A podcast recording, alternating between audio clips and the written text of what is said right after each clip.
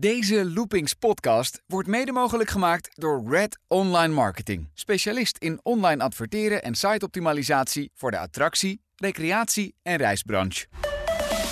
Veel mooi uitbundig decor in een kleine ruimte zogezegd realiseren. Op locatie was niet eens plek om te werken. Dat was niet eens mogelijk. Ze zijn met hijskranen zijn hele decorsets zijn over de ja, gebouwen getild om uiteindelijk daar uh, ingeplaatst te kunnen worden. Een enorme puzzel. De Loopings podcast met Wessel Wit.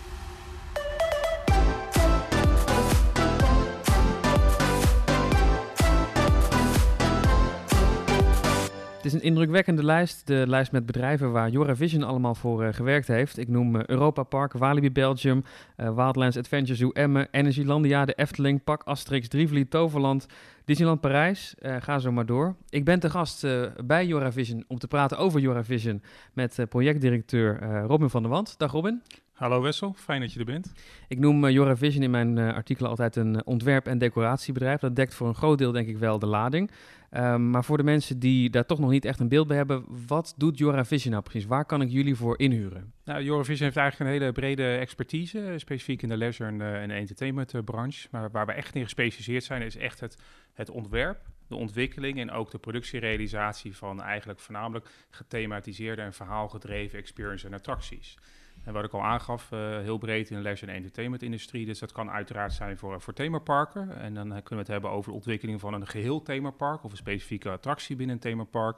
Maar denk bijvoorbeeld ook aan waterparken, op zichzelf staande culturele toeristen, attractions. Um, denk bij ook aan uh, museale belevingen. Uh, ja, eigenlijk enorm breed. Ook family entertainment centers. Daar zijn we allemaal in actief. Dat is heel breed. Dus eigenlijk alles wat ik op pretparkgebied wil, vanaf zeg maar een heel nieuw pretpark starten tot in een bestaande attractie een klein decoronderdeel. In die hele range zijn jullie actief. Ja, absoluut ja. En daar zijn we ook erg uh, flexibel in. Uiteraard vinden we het heel leuk om projecten te doen waarbij we zowel uh, zeg maar on ontwerp doen en, uh, en, productie doen. Dus dat we eigenlijk ons eigen ontwerp ook uh, mogen realiseren. Maar we krijgen ook inderdaad aanvragen voor alleen productieklussen of alleen aanvragen voor ontwerpklussen. In die zin zijn we blij met alles wat, wat er voorbij komt. Ja, dus ja. ik goed om de onderscheid te maken voor een buitenstaander die luistert, die dus niet precies weet hoe dat gaat. maar een park kan dus zelf iets ontwerpen of zelf iets laten ontwerpen, jullie erbij halen om dat te laten bouwen. En een park kan zeggen, um, geen idee wat we moeten doen. Kunnen jullie het even tekenen voor ons? En dan kunnen jullie een mooi ontwerp maken. Dan, dan doen jullie dat ook. Dan zouden jullie het kunnen uitvoeren, maar dan zou het ook door een andere partij uitgevoerd kunnen worden. Dus het is eigenlijk, de parken, de, de, de opdrachtgevers mogen zelf kiezen hoe ze dat aanvliegen. Eigenlijk wel, ja. En uh, daar proberen ze natuurlijk wel goed in te adviseren wat de juiste approach is. Dus het kan ook bijvoorbeeld zijn dat we zeggen van nou, hè, we, we, we hebben iets ontworpen en dat we bijvoorbeeld een deel van de productie oppakken. En dat we de klant gewoon heel eerlijk en transparant ook adviseren dat ze een deel van, laten we zeggen, uh, de werkzaamheden ook lokaal moeten uitbesteden. Omdat dat misschien qua regelgeving of misschien ook qua budgetten gewoon beter uitkomt. En dat helpt ons uiteindelijk allemaal. Ik kwam hier aanrijden. Het is een bedrijventerrein. Vanaf een afstandje heb je niet door dat hier pretparkattracties gebouwd worden. Um, want dat gebeurt hier ook. Hè. Het is niet alleen dat jullie op locatie gaan bouwen. Uh, maar jullie hebben hier een gigantische loods, uh, meerdere loodsen staan. En daar worden dus bijvoorbeeld delen van dark rides, delen van attracties gewoon gebouwd. Zodat ze op transport gezet kunnen worden naar het park toe. Hoe werkt dat? Ja, dat gebeurt hier absoluut. We hebben hier uh, 3000 vierkante meter ongeveer aan eigen productiefaciliteiten. Dus uh, ja, eigenlijk alle productie die, die vanuit Joravision gerealiseerd wordt, wordt ook echt hier in Rijnsburg uh, ja, zelf gemaakt. En dan moet je denken aan decoratief schilderwerk, shapewerk, staalwerk, houtwerk. Dus eigenlijk alles wat je nodig hebt om gewoon een fantastisch cool decor te maken. En hoe dat precies in zijn werk gaat, is eigenlijk dat we zoveel mogelijk proberen te, te prefappen. Wat betekent dat we zoveel mogelijk proberen op te bouwen in de basis hier in onze eigen faciliteiten. Dus we bouwen eigenlijk het hele decor op van een bepaalde scène of uh, een bepaalde gevel in een park. Bouwen we hier op. En dan vervolgens, uh, uh, als het helemaal klaar staat, dan wordt het uiteindelijk verscheept naar locatie. En bouwen we het daar opnieuw op en doen we daar uiteraard een mooie finishing touches, zo gezegd. En, en dan staat het er. Dus bijvoorbeeld, jullie hebben voor Europa Park meegewerkt aan Piraten in Batavia en de Dark Ride Snorri Touren. Dan moet ik me echt voorstellen dat hier in de loods naast ons delen van die Dark Ride opgebouwd waren. Ja, dat is uh, absoluut waar. Ja. Dus eigenlijk uh, de scène van Batavia, die, uh, die je nu kan ervaren, zeg maar, in de bootrijdt in, in Europa Park, die, die stond hier in de hal opgebouwd. Die heeft hier in Zuid-Holland gestaan, die op heeft hier gestaan, ja. ja, ja, ja. Dus, dus daar kon je inderdaad zo gezegd doorheen lopen. En natuurlijk is hij wel op locatie, komt natuurlijk de grote puzzel en is hij daar mooi in elkaar gezet. En zijn er nog wat, wat randjes afgeschaafd om het allemaal wat ouder te laten lijken. En er moest toch nog een keer een raampje toch nog in, wat je er dan lokaal in doet. Dus in die zin proberen we nogmaals alles hier op te bouwen, zodat we weten dat het echt klopt en dan gaat het naar locatie. We zijn het ook eventjes doorheen gelopen. Ik had misschien een beetje pech. Het enige wat er nu lag waren achtbaankarretjes die eh, in aanbouw waren voor een uh, coaster in Scandinavië. Ja. Komen er nog grote projecten aan waarvan jij weet dat ze hier gebouwd gaan worden de komende tijd? Uh, ja, er komen zeker nog uh, twee mooie projecten staan er volgend jaar op de planning. Eén daarvan kan ik wel vrij over zijn. Dat is een, een, mooie walkthrough experience die we in Portugal en Lissabon gaan realiseren. Het heet het Quake Lisbon Center, waarbij de gasten eigenlijk ondergedompeld worden in het verhaal. Een historisch evenement wat plaatsvond in 1755 waarbij een gigantische aardbeving eigenlijk heel Lissabon van de kaart geveegd heeft. Dus de stad die we nu kennen als Lissabon staat eigenlijk op de remains, zo gezegd, van uh, een hele andere stad. Wat je vaak ziet, en uh, als we dan specifiek kijken naar de Quake Experience, is dat er vaak begonnen wordt eigenlijk met het zoeken naar de hardware. Dus in dit geval zit daar ook een, een simulator zit daarin. Dus uiteindelijk kwam uh, de initiatiefnemer kwam bij ons terecht met de vraag of wij ook simulatoren leverden. En uiteindelijk om zo door te vragen van, nou goed, maar wat, voor projecten hebben jullie dan? Hè? Want wij zijn natuurlijk geen leverancier van simulatoren. kwam het uiteindelijk neer op het feit van, ja, maar wat is jullie concept dan? En toen was het eigenlijk van, ja, nee, dan moeten we ook nog mee aan de slag. En wij hebben natuurlijk altijd meer de gedachte van, uh, ja, je moet natuurlijk eerst bij het concept beginnen, bij de experience. En daar kan je beter de hardware daarop aan laten sluiten. En, uh, en de hardware kan je in dat vlak kan je natuurlijk altijd wel, uh, wel krijgen. Maar het begin is toch altijd het concept. En uiteindelijk uh, ja, zijn we eigenlijk het hele ontwerptraject uh, toen ingedoken met specifiek deze kweek. En ik kan daar dus straks een aardbeving meemaken. Dat wordt het idee. Ja, uiteraard uh, berust het zich op een uh, historische gebeurtenis. Dus we moeten daar ook met respect mee omgaan. Want we moeten daar natuurlijk niet een of andere hele gave, leuke, lachende attractie van maken. Dus we gaan daar absoluut goed mee om. Dus in dit geval werken we in zo'n traject ook samen met historici van, van hun kant. mensen die gespecialiseerd zijn in aardbevingen, in technieken rondom aardbevingen. Uh, dus het was een heel groot team uh, waarmee we samengewerkt hebben. Waarbij eigenlijk dat team altijd uh, ook een soort fact-check doet van of alles historisch ook klopt en of het in de juiste tone of voice verteld wordt. Maar uiteindelijk vanuit Jora willen we natuurlijk niet een traditioneel museum realiseren, want dat is in die zin niet onze expertise. Wij willen daar echt een beleving van maken. Dus wij hebben daar wel een verhaallijn rondom heen verzonnen, dat in het kort zeg maar dat uh, bezoekers komen eigenlijk in de eerste kamer komen ze in een verlaten laboratorium terecht. En daar staat een tape recorder op de tafel. Die gaat automatisch uh, draaien. En daar hoor je dan de stem op van een professor. En die vertelt eigenlijk kort over de gebeurtenis die zich in 1755 heeft afgespeeld. En dat uh, ook tijdens die aardbeving, of in ieder geval daarna, is heel veel kennis ook verzameld rondom aardbevingen. Eh, en hoe deze te herkennen. En die kennis is verloren gegaan. En hij uh, stuurt ons eigenlijk terug in de tijd, ofwel de bezoeker stuurt hij terug in de tijd via een tijdmachine, om die kennis te gaan, uh, opnieuw te gaan opdoen. Uh, maar dat betekent ook dat ze de, de gebeurtenis zelf ook gaan meebeleven. En dat gebeurt dus. Dus mensen worden inderdaad met allemaal mooie special effects, hoop projection mapping, worden ze inderdaad teruggestuurd in de tijd, komen in de oude straten van Lissabon uit. Uh, eigenlijk tien minuten voordat het evenement uh, gebeurt, zeg maar, die event gebeurt. En uh, ja, die straten zijn natuurlijk allemaal mooi gedecoreerd. Die zijn echt zoals dat destijds er ook uitzag. En toen de grote aardbeving plaatsvond, toen zaten de meeste mensen, want het was een feestdag, All Saints Day, zaten de meeste mensen in de kerk namelijk. Dus in dit geval gaan, gaat onze groep bezoekers gaat ook in de kerk zitten. En daar zitten ze inderdaad op simulatorbanken. En uh, die hele kerk is voor de rest helemaal, alle muren zijn allemaal projection maps van, van beneden tot boven. En dan gebeurt aardbeving, dan shaken ze natuurlijk, de hele boel stort in. En dan moet je vluchten door een gat in de kerk en dan kom je weer in de straten van Lissabon terecht. En alleen in dit geval zijn ze verwoest met uh, vuureffecten, rookeffecten. Dus het wordt, die hele walkthrough experience duurt 90 minuten, is ook best wel lang. Is echt een, een immersive belevenis. Ja. Het is een groot project is een groot project, ja. Ja, zeker. We hebben ongeveer anderhalf jaar uh, aan het ontwerp uh, gewerkt. en ehm, zullen nu ongeveer een jaar zeg maar, qua looptijd doen over de realisatie ervan. Gaan we toen naar een tijd waarin historische gebeurtenissen dus op deze manier beleefd worden? Dat we niet meer straks door een museum lopen, misschien alleen maar om kunst te zien, maar dat als je verhalen wil vertellen, dat je dan beter het op deze manier kunt vertellen?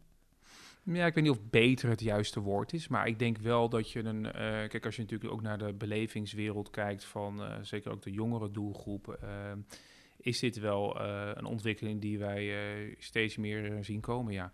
Dus op een andere manier, zeg maar, ook zaken als historie, maar ook kunst te laten beleven. En er is nog een ander heel mooi project, kan ik helaas niks over zeggen. Uh, maar ik kan wel zeggen wat het wordt. Het wordt wederom weer een uh, dark ride. En wat volgend jaar open gaat, wat ook geen geheim is, is in Polen Energylandia. Uh, die gaan daar een mooi nieuw themagebied openen. Daar zijn jullie ook voor bezig. Maar voordat we wat dieper in de projecten duiken die jullie allemaal gedaan hebben en nog gaan doen en hoe dat werkt en, en, en, wat voor mooie aspecten daarbij komen kijken. Jij bent directeur projectontwikkeling. Wat houdt jouw functie in en hoe ben je hier terechtgekomen? Uh, dan begin ik met hoe ik hier uh, terecht ben gekomen. Uh, gaan we niet te ver terug, maar ik heb commerciële economie gestudeerd en sport en entertainment marketing. En allemaal heel erg leuk. Alleen, ik eigenlijk vanaf jongs af aan, dat is een beetje de, de, de jongensdroom of de, de, de, droom die vele mensen hebben, die graag in deze industrie willen werken, was ik al gek van, van themaparken, attractieparken. Dus op mijn 16 had ik al de centjes bij elkaar gespaard en liep ik al in Orlando rond om daar de Disneyparken te bezoeken. En uh, eigenlijk altijd graag in deze industrie willen werken. Uh, maar goed, zoals het leven gaat, uh, is het pad vaak aan het begin wat anders.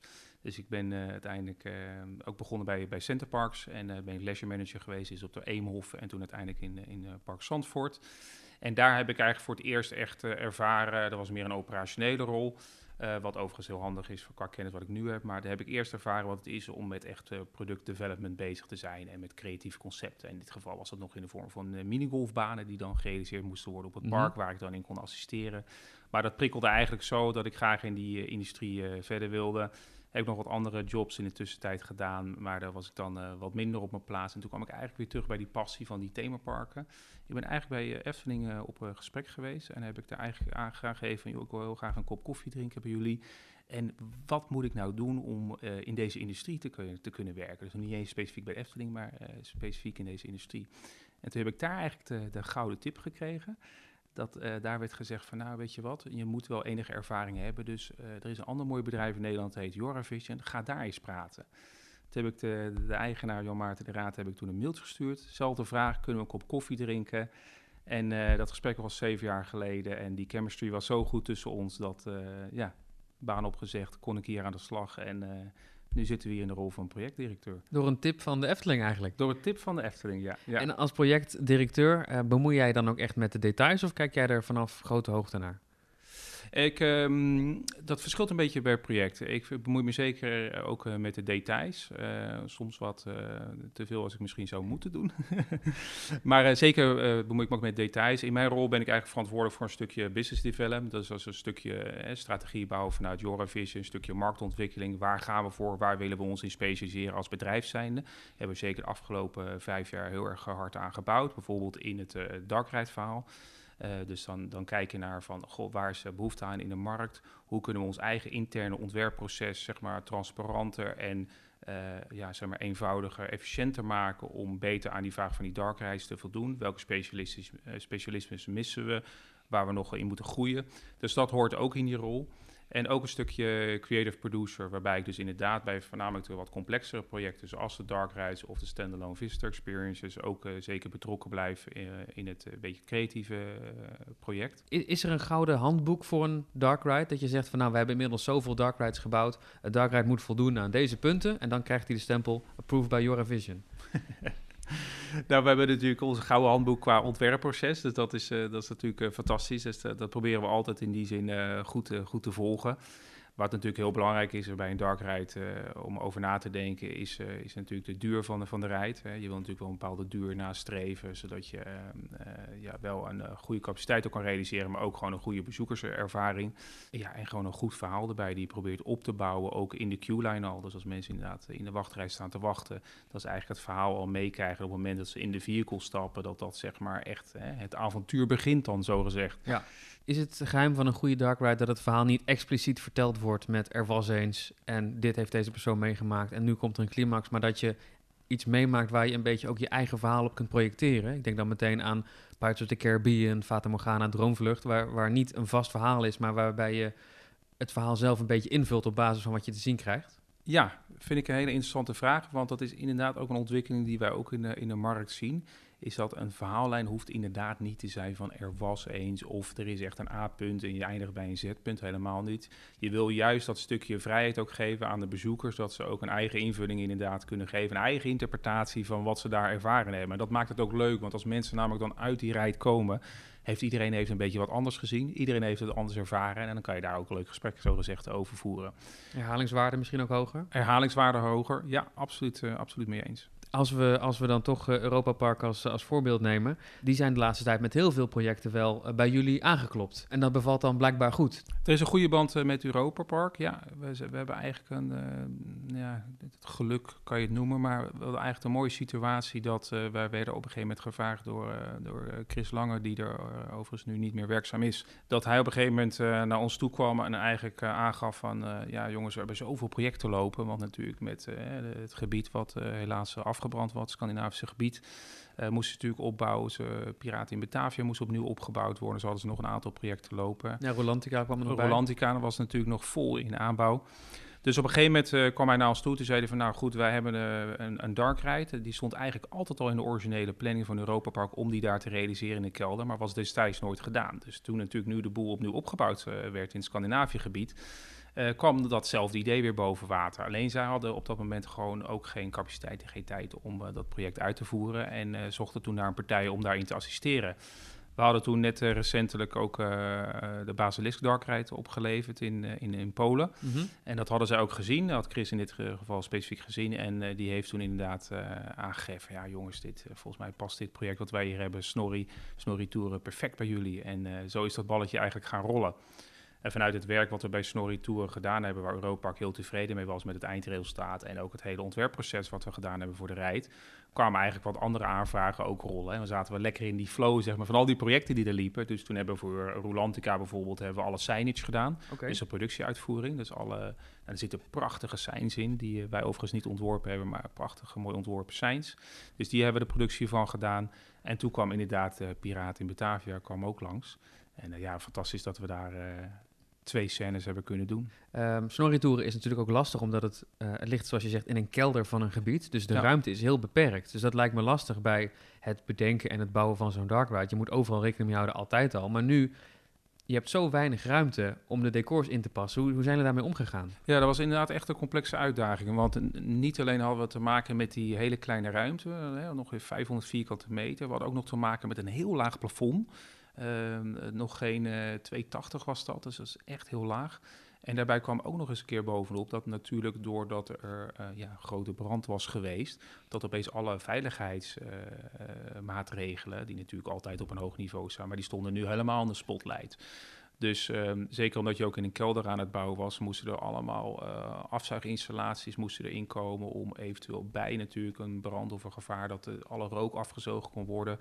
En ja, dat loopt natuurlijk kriskras langs het plafond en door het decor heen. Dus onze taak is een ontwerpproces, is niet alleen het creatieve gedeelte, maar is natuurlijk ook het stukje met de safety envelop van de vehicles, passen decor met de cable trays die aan het plafond hangen, met de luchtinstallatie, koelingsinstallatie, nou, alles wat er maar hangt, moeten we uh, allemaal in elkaar integreren. Allemaal dingen waar je totaal geen rekening mee houdt als je in die attractie zit. Nee, waar het zit, uh, ja, ik zou zeggen, kijk eens omhoog. Maar er zit een hoop uh, tegen het plafond aan, inderdaad.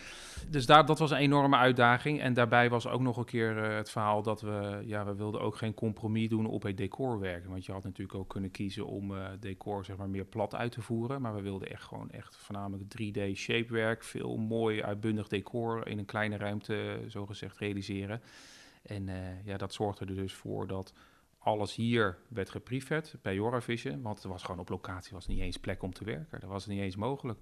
En er zijn uiteindelijk met hijskranen, daar zijn er wel wat leuke foto's van, zijn met hijskranen zijn hele decorsets zijn over de ja, gebouwen getild om uiteindelijk daar uh, ingeplaatst te kunnen worden. Zo'n enorme puzzel. Ja. En toen kwam Piraten in Batavia, vrij kort uh, daarna, ook een gigantisch uh, project.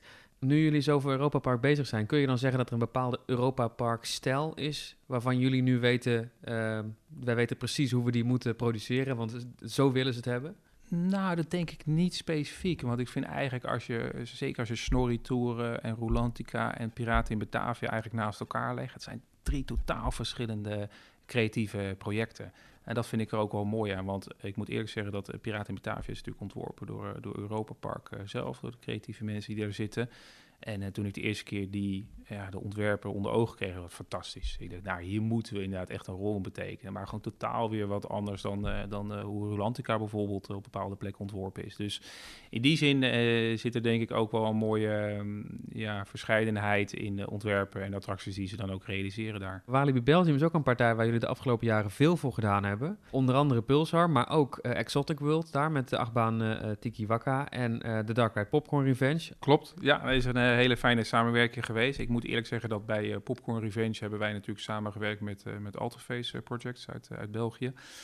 Die uh, in eerste instantie met dit, ja, zeg maar met dit project bij ons aankwamen. En uiteindelijk hebben we gezamenlijk dan het ontwerp gemaakt voor Popcorn Revenge. Uh, Alteface had in dit geval het idee om inderdaad een, voor een concept waarbij popcorns tot leven kwamen en eigenlijk ja, de bioscoop zeg maar overnamen. En wij hebben dat idee eigenlijk verder uh, opgepakt en hebben dat helemaal uitgewerkt qua, qua ontwerpen ook. En natuurlijk deels qua de verhaallijn die erin zit. Kunnen wij die dan ook binnenkort op meer plaatsen tegenkomen? Want ik geloof dat het ook een product is wat nu nog steeds Ja. op beurzen wordt aangeboden uh, aan attractieparken. Klopt, ja. ja. Het is dus eigenlijk een soort, we noemen dat dan een turnkey project. Dus in dit geval kan een ander park kan uh, ook een popcorn revenge, zogezegd, in zijn park introduceren. Dus dat is, is mogelijk. En daar lopen inderdaad wat gesprekken. Uh, maar nog niks, uh, ik zeg van, uh, je concreet kan zeggen van, nou, daar komt er nog een. Ja. Ik zou hem zelf graag in Walibi Holland willen zien, maar dat ziet Walibi zelf niet zo zitten, geloof ik. oh, die, dat, er zijn wel gesprekken over geweest, inderdaad, dat dat, dat dat zou gebeuren. Ik moet eerlijk zeggen dat ik niet helemaal weet hoe die gesprekken nu lopen, maar... het kan nog steeds, fingers crossed. Ja, het, alles kan, hè. In die zin, het zou nog kunnen. Alles kan, zeg je. En dat geldt zeker voor Energylandia. Dat is een, een park in Polen paar jaar geleden geopend. En nu hebben ze de meeste achtbanen van alle parken in Europa. En blijven als een gek investeren. Waar ze het geld vandaan uh, halen, geen idee. Ze hebben laatst een gigantische achtbaan geopend, dat was Sadra. Uh, en nu zijn ze bezig met een nieuw themagebied, uh, Aquatlantis. Met een lanceerachtbaan en allerlei andere attracties eromheen. horeca, souvenirs. En dan zijn ze nu ook nog eens bezig met een nieuwe mijntrein die ze gaan bouwen. En in dat proces hebben ze ook uh, jullie ingeschakeld. Dat klopt, ja. ja wij zijn toen uh, ingeschakeld eigenlijk uh, ook mede dankzij VCOMA in dit geval, waar die natuurlijk daar een fantastische mooie coaster heeft gerealiseerd. Zijn we ingeschakeld om eigenlijk mee te denken in eerste instantie over het hele nieuwe gebied van de Aqualantis. En in die gesprekken zijn we uiteindelijk ja, gekozen om ook het hele gebied te ontwerpen. Dus het hele Aqualantis gebied, wat straks ja, hopelijk volgend jaar natuurlijk gaat openen. Uh, dat is in dit geval uh, vanuit de Eurovision uh, helemaal ontworpen, zowel op concept design niveau als op schematic design. En um, wij doen daar ook een deel van de productie inderdaad van. Dus bijvoorbeeld de aankleding van, van prachtige coaster die er gaat komen, ja, dat, dat, dat komt hier vandaan. Ik heb hier een prachtige tekening van jullie voor me, van Aqualantis. Valt er iets te vertellen over um, het verhaal achter deze zone? De naam zegt water en Atlantis verzonken stad. Is dat een beetje wat er, wat er ook achter zit bij het ontwerpproces?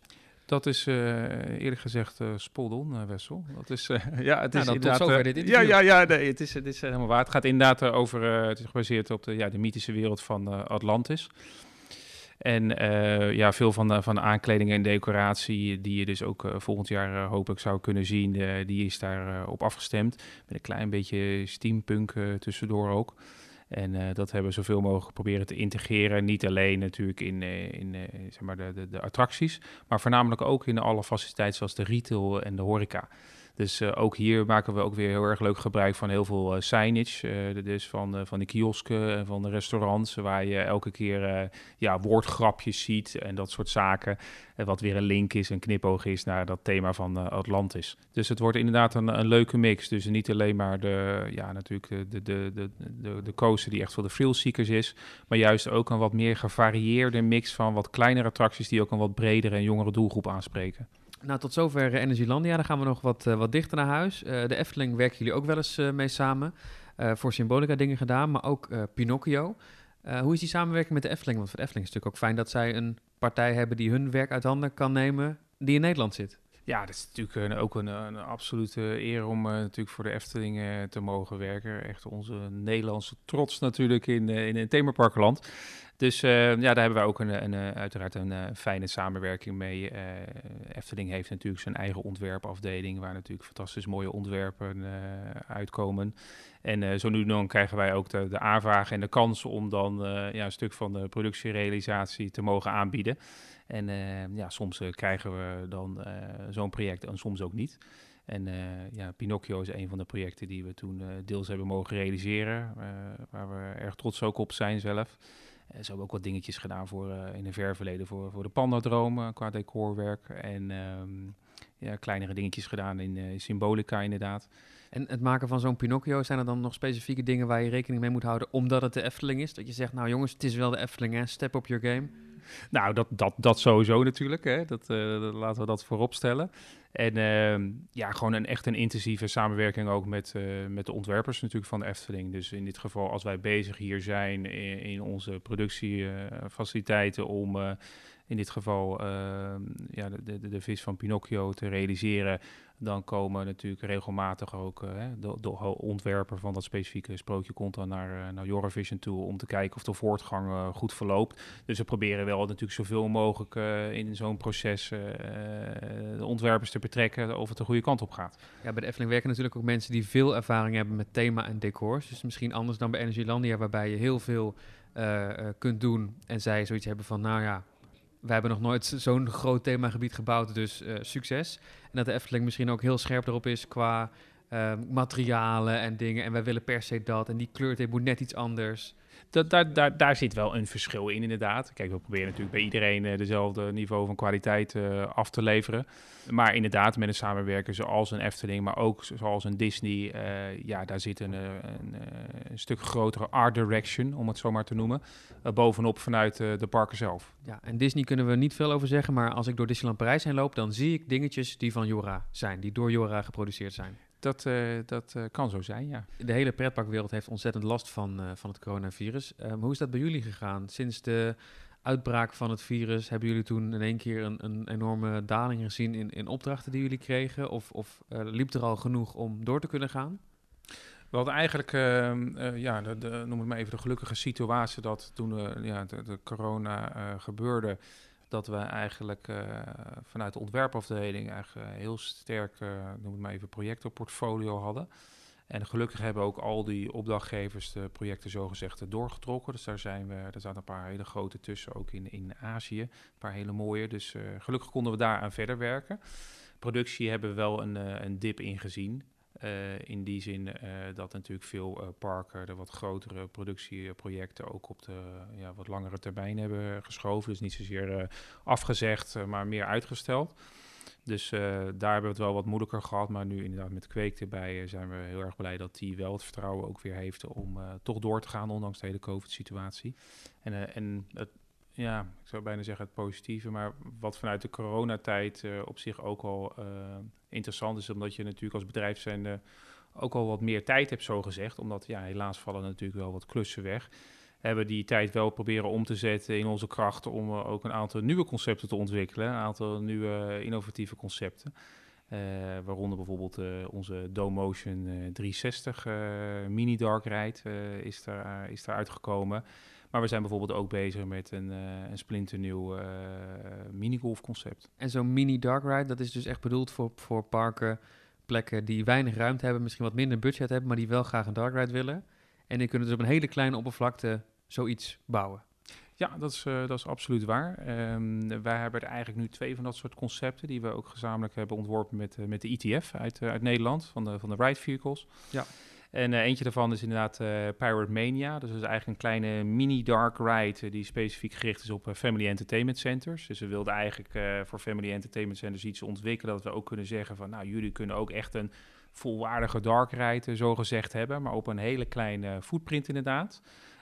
voor ook een veel lager budget, maar wel een stukje innovatie er toch ook al in. Dus wel weet je wel, het moet wel natuurlijk qua beleving ook bij Jora passen, maar het moet ook een beetje volwaardige dark ride zijn. En de Domotion 360, die hebben we dan eigenlijk specifiek ontwikkeld meer voor eigenlijk de dierentuinen. Uh, en de musea's, waarbij je ook zou kunnen zeggen van nou, hè, ook, ook daar kunnen we een volwaardige mini-experience, mini-attractie neerzetten, die ook weer wat diversificatie misschien brengt in het aanbod van een dierentuin en een museum, maar ook weer een hele nieuwe tool geeft aan zo'n dierentuin en een museum om het verhaal te vertellen, Om bepaalde kunst onder de aandacht te brengen of bepaalde dieren onder de aandacht te brengen op een nieuwe manier. Ja, zeker in een tijd waarin dierentuinen onder druk staan, omdat heel veel activisten roepen, is het nog wel van deze tijd om dieren op te sluiten. Uh, met zo'n attractie heb je daar in ieder geval geen last van, want je kunt de mooiste dieren laten zien met, met video, en allerlei andere effecten zonder dat er ook maar echt een uh, echt dier aan te pas is gekomen. Dat is, uh, dat is, uh, dat is inderdaad waar, op dat vlak inderdaad. Dus in dit geval de Domotion 360, die, die gaat dan uit van een 360 graden projectie met ook een, een dome ceiling uh, projectie. Waarbij je ook uh, ja, kleine uitwegen hebt naar uh, scènes waar ook nog fysiek decor in staat. Dus is niet alleen maar audio-video, maar ook fysieke decorscènes. En verwacht je dat het dan ook weer snel aantrekt als straks de parken weer op volle capaciteit mogen draaien? Even fingers crossed dat dat ergens halverwege 2021 misschien wel kan gebeuren. Denk je dan dat die productie weer op het oude niveau komt snel? Ja, daar heb ik, eh, daar heb ik echt uh, alle vertrouwen in. Ja. Ik bedoel, als je ook ziet, we hebben natuurlijk ook een recessie meegemaakt, natuurlijk heel iets anders dan, eh, dan COVID. Maar het zit toch heel erg in, in de mens, zeg maar, om plezier te hebben, om lol te maken, om even in een andere wereld te stappen. Dus op het moment dat we weer mogen, zo gezegd, en hè, er zijn weer meer dingen mogelijk, dat dat heel snel weer aantrekt. En dan op dat vlak ook toch wel de parken ook weer heel snel aantrekken om weer mooie nieuwe belevingen te realiseren. Uh, ondanks natuurlijk een hele vervelende situatie is geweest die dan nog ook wel iets langer zal uh, doorlopen. Maar uh, dat onze industrie weer er heel snel bovenop komt als de COVID voorbij is, 100% vertrouwen in. Ja. Daar kijken we vanuit en we kijken uit naar jullie mooie projecten die er nog gaan komen. We houden jullie in de gaten. Dankjewel voor je tijd. Ja, bedankt. Absoluut. Je luisterde naar een aflevering van de Loopings podcast. Heb je vragen of opmerkingen? Mail dan naar podcast.loopings.nl en wil je geen afleveringen missen? Abonneer je dan via de verschillende podcast-apps zoals Spotify. Bedankt voor het luisteren en graag tot de volgende keer.